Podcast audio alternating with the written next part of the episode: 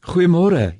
Jesaja 43 vers 18 en 19. Kyk, ek gaan iets nuuts doen. Dit staan op die punt om te gebeur. Julle kan dit al sien kom. Ek maak in die woestyne pad, ek laat in die droë wêreld riviere ontspring.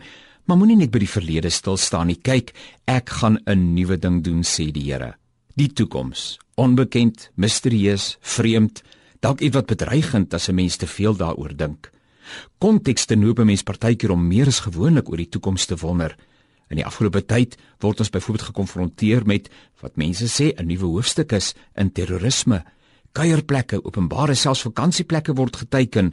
Onskuldige mense word om die lewe gebring. Dink maar aan ekstremistiese groepe wat wêreldwyd paniek en kommer saai. Christene word bykans soos in die vroeë kerk op ontnugterende en wreedaardige wyse om die lewe gebring.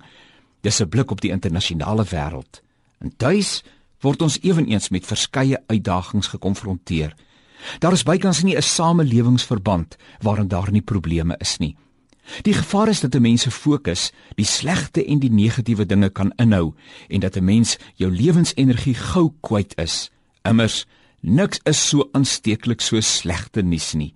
Dink maar na hoe dat die verspieders se negatiewe rapport op die vooraand dat Israel Kanaan, die land wat vloei met melk en honing moes betree, die appelkar omver gegooi het.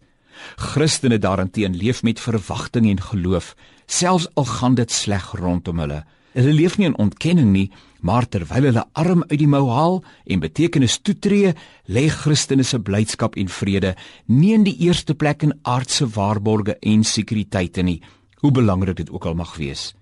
In die Bybelse tyd, dit maar in Hebreërs 11, het menige geloofsheld in sy lewe nie bereik of beleef waarna hy uitgesien of homself voorbeywer het nie. Vers 10 van Hebreërs hoofstuk 11 sê om te glo is om seker te wees van die dinge wat ons hoop, om oortuig te wees van die dinge wat ons nie sien nie. In vers 13 staan daar terwyl hulle steeds geglo het, het al hierdie mense gesterwe sonder om te verkry wat beloof is, maar hulle het dit uit die verte gesien en daaroor gejuig en het erken dat hulle hier op aarde slegs vreemdelinge en bywoners is.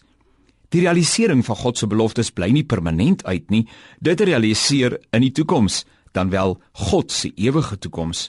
God is 'n waarmaker van sy woord en wat hy beloof het, sal hy doen.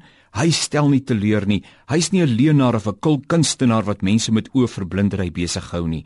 As hy beloof het, sal hy dit doen, nie altyd op die manier en wyse waarop ons dit bestel het nie. Christene leef met geloofsvertroue. God is in beheer van die toekoms, hoe misterieus, oënskynlik problematies en verdag dit ook al mag lyk. Toekoms is syne en hy's alreeds daar.